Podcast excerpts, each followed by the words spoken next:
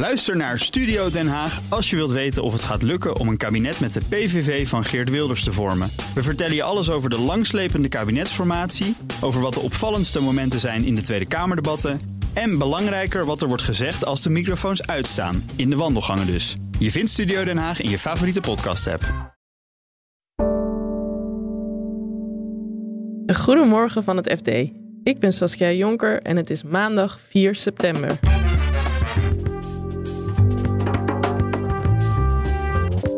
Scholen moeten aan het begin van het jaar lastige keuzes maken. Ik ga nu dat verbod inderdaad uh, invoeren, maar dat betekent ook dat de kinderen naar huis kunnen worden gestuurd. Dat de schoolweek korter wordt bijvoorbeeld. En hij heeft daar vooraf ook ouders over geïnformeerd. Van ja, het gaat wel gevolgen hebben, maar ik vind het principe zo belangrijk dat we dit wel gaan doen. Werkgevers krijgen steeds vaker te maken met burn-outs. De vraag is wat zij kunnen doen. Het belangrijkste is om stress bespreekbaar te maken op het werk. En in de Verenigde Staten wordt het op sommige plekken steeds moeilijker om je huis te verzekeren, nu extreem weer daar normaler wordt. Dan merk je toch dat op heel veel plekken het niet meer te doen is voor die verzekeraars, zodat ze het liever gewoon niet meer aandoen.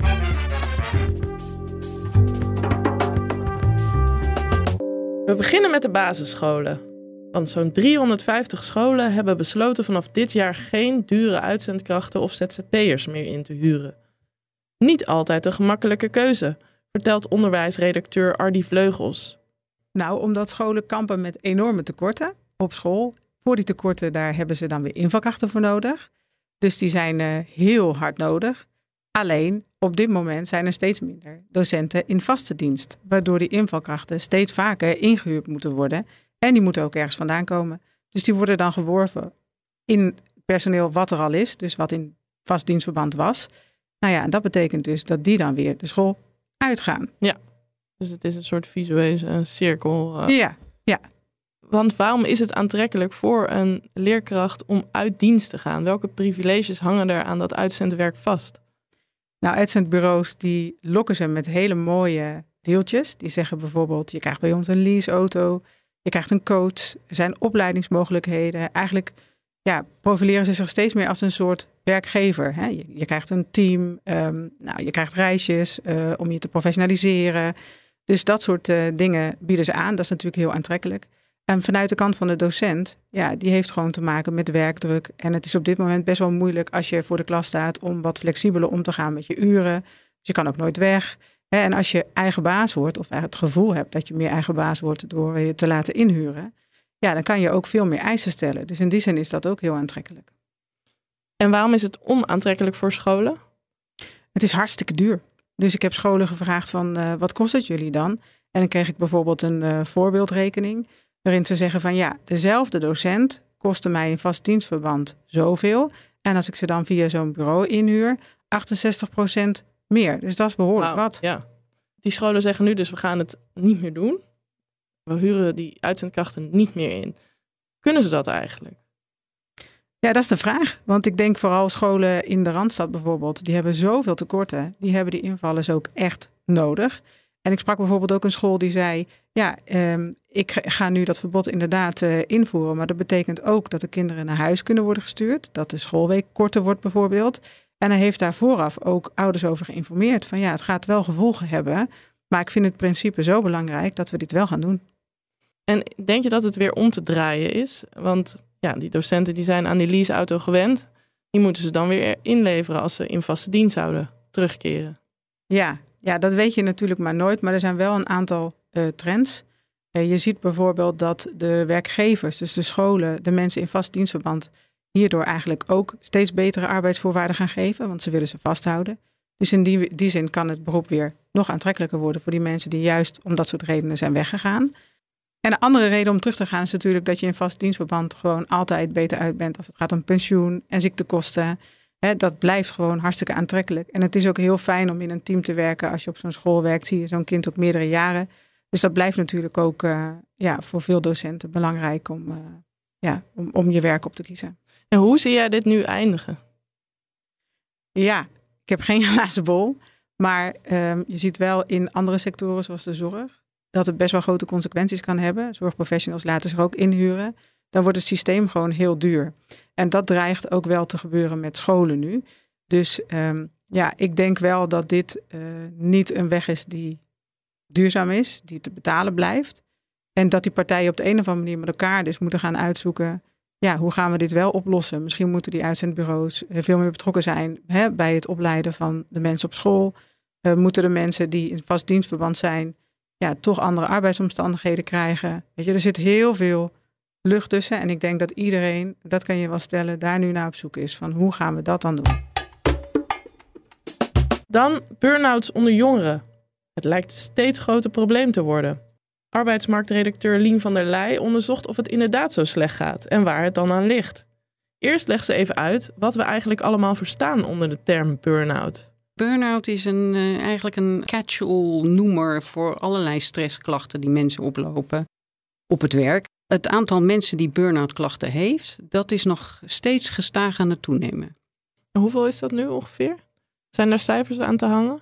Kennisinstituut TNO meldde in 2021, dus ja, twee jaar geleden nu, dat er zo'n 1,3 miljoen mensen zich hadden gemeld met burn-out klachten. Dat is ongeveer 17% van uh, alle Nederlandse werknemers. En dus ook onder jongeren wel veel. Wat, wat, uh, hoe valt dat te verklaren? Um, sommige um, cijfers suggereren dat jongeren iets meer gevoelig zijn voor uh, dit soort klachten dan, dan anderen, maar dat is niet uh, hard bewezen. Het leven is ook uh, drukker geworden en er is veel meer prestatiedruk, ook vanuit sociale media. en daar hebben jongere werknemers relatief meer last van. Gewoon omdat wij oudjes niet zoveel op sociale media zitten. Of dan alleen op de wat suffere varianten misschien. Wat moeten bedrijven en werkgevers dus doen om, om die jongeren tegen zichzelf te beschermen eigenlijk? Um, vooral feedback. En dat was wat ik van iedereen hoorde. Het belangrijkste is om stress bespreekbaar te maken op het werk.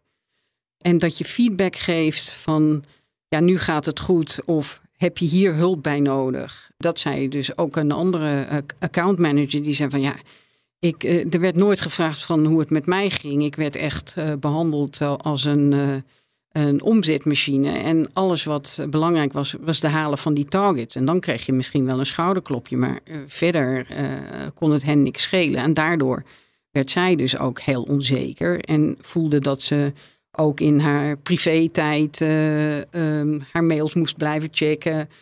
Een bank als ABN AMRO die heeft uh, afspraken over bereikbaarheid in hun CAO staan. En die hebben dus wel een, een, een vrij uh, uitgebreid ondersteuningsprogramma voor medewerkers. En zeggen ook dat het werkt. dat bespreekbaar maken en ook rekening houden met verschillende uitdagingen gaan die gepaard gaan met verschillende levensfasen. Dus empty nest syndroom of juist dat je jonge kinderen hebt of dat je in de overgang bent, et cetera. Dat dat, hoe privé ook door kan werken in je, in je werkleven. Als je, da, als je dat bespreekbaar maakt, dan uh, heb je veel minder uh, uitval en voelen mensen zich gehoord. Dat is het eigenlijk het belangrijkste, is dat mensen zich op de werkvloer uh, voelen, zich gehoord voelen en als mens worden gezien. En niet alleen als uh, cash cow, zeg maar. Tot slot orkaan Idalia. Het zorgde voor enorme ravage in Florida. De kosten van de schade zijn hoog. En nu is de vraag of huizenbezitters in de toekomst nog verzekeringen kunnen krijgen. Want steeds meer grote verzekeraars vinden de risico's te groot. Amerika-correspondent Lennart Sandbergen legt uit waarom ze daar juist nu mee stoppen. Er spelen nu best wel veel dingen tegelijkertijd. Wat aan de ene kant meespeelt is dat het op veel plekken echt veel onvoorspelbaarder is geworden. Dat zijn ook wel de, de, de problemen in plekken als Florida en in Californië. Ja, en wat ook meespeelt is dat door de hoge inflatie de premies sowieso al best wel veel omhoog zouden moeten. Ja, om de hogere kosten te vergoeden om, die er zijn om een, om een woning opnieuw op te bouwen bijvoorbeeld. En als je dat allebei samen stopt, dan, uh, ja, dan merk je toch dat op heel veel plekken het niet meer te doen is voor die verzekeraars. Dus dat ze het liever gewoon niet meer aandoen. Ja, want hoe hoog zijn die kosten dan nu? Hoe, hoe snel zijn die opgelopen? Ja, die zijn wel heel hard opgelopen. Dus als je wereldwijd kijkt, heeft Swiss Re heeft dat uh, in een rapport becijferd. In het eerste half jaar is er voor 120 miljard aan uh, klimaatschade geweest. Uh, dat is 50% meer dan uh, normaal gesproken, dan gemiddeld in de afgelopen 10 jaar. En ja, ook voor verzekeraars is dat, uh, ja, betekent dat dus ook gewoon dat ze meer moeten vergoeden. Dus dat is 50 miljard geweest in een half jaar tijd. En dat is dus ook meer dan in andere jaren. Dus, ja, dus mensen betalen aan hun eigen huis bijvoorbeeld meer, moeten meer zelf uh, schade vergoeden. En verzekeraars die, die uh, zijn ook duurder uit. Ja, precies. Ja, uiteindelijk wordt iedereen er slechter van. Het zijn Amerikaanse verzekeraars die nu zeggen, we stoppen ermee. Ja. Zijn er ook Nederlandse verzekeraars die hetzelfde voor, uh, voorbeeld volgen?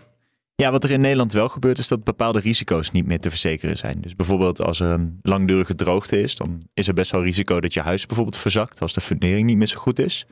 Uh, nou ja, er is nu geen enkele verzekeraar in Nederland die dat vergoedt. En ook bij overstromingsschade, bijvoorbeeld als een rivier buiten de oevers treedt, dan uh, wordt die schade ook niet altijd helemaal vergoed. En wat vooral bijvoorbeeld gebeurde toen in Limburg een paar jaar geleden die grote overstromingen waren, was dat veel bedrijfspanden daar niet tegen verzekerd bleken. En dat wisten ze eigenlijk zelf niet. En is het ook iets waar we in de toekomst steeds meer rekening mee moeten gaan houden? Dat we bepaalde risico's onverzekerbaar worden door die klimaatschade? Ja, dat is wel absoluut iets wat nu uh, staat te gebeuren. En wat dan eigenlijk, wat je eigenlijk zou verwachten in een perfecte markt, is dat dus ook de waarde van woningen, waarbij het risico het grootste is dat zoiets gebeurt, daarop aangepast worden. Maar uh, ja, er zijn onderzoekers geweest die hebben naar de prijzen van woningen gekeken en naar het risico op, op schade. En die zien dat dat nu totaal nog niet uh, verwerkt zit in de prijs eigenlijk. Dus je kan wel verwachten dat de komende jaren de woningen die op uh, gevaarlijke plekken staan, uh, ja, waar de, het risico op aardbevingen bijvoorbeeld heel groot is, dat, ja, dat die toch wel een stuk goedkoper moeten gaan worden de komende jaren.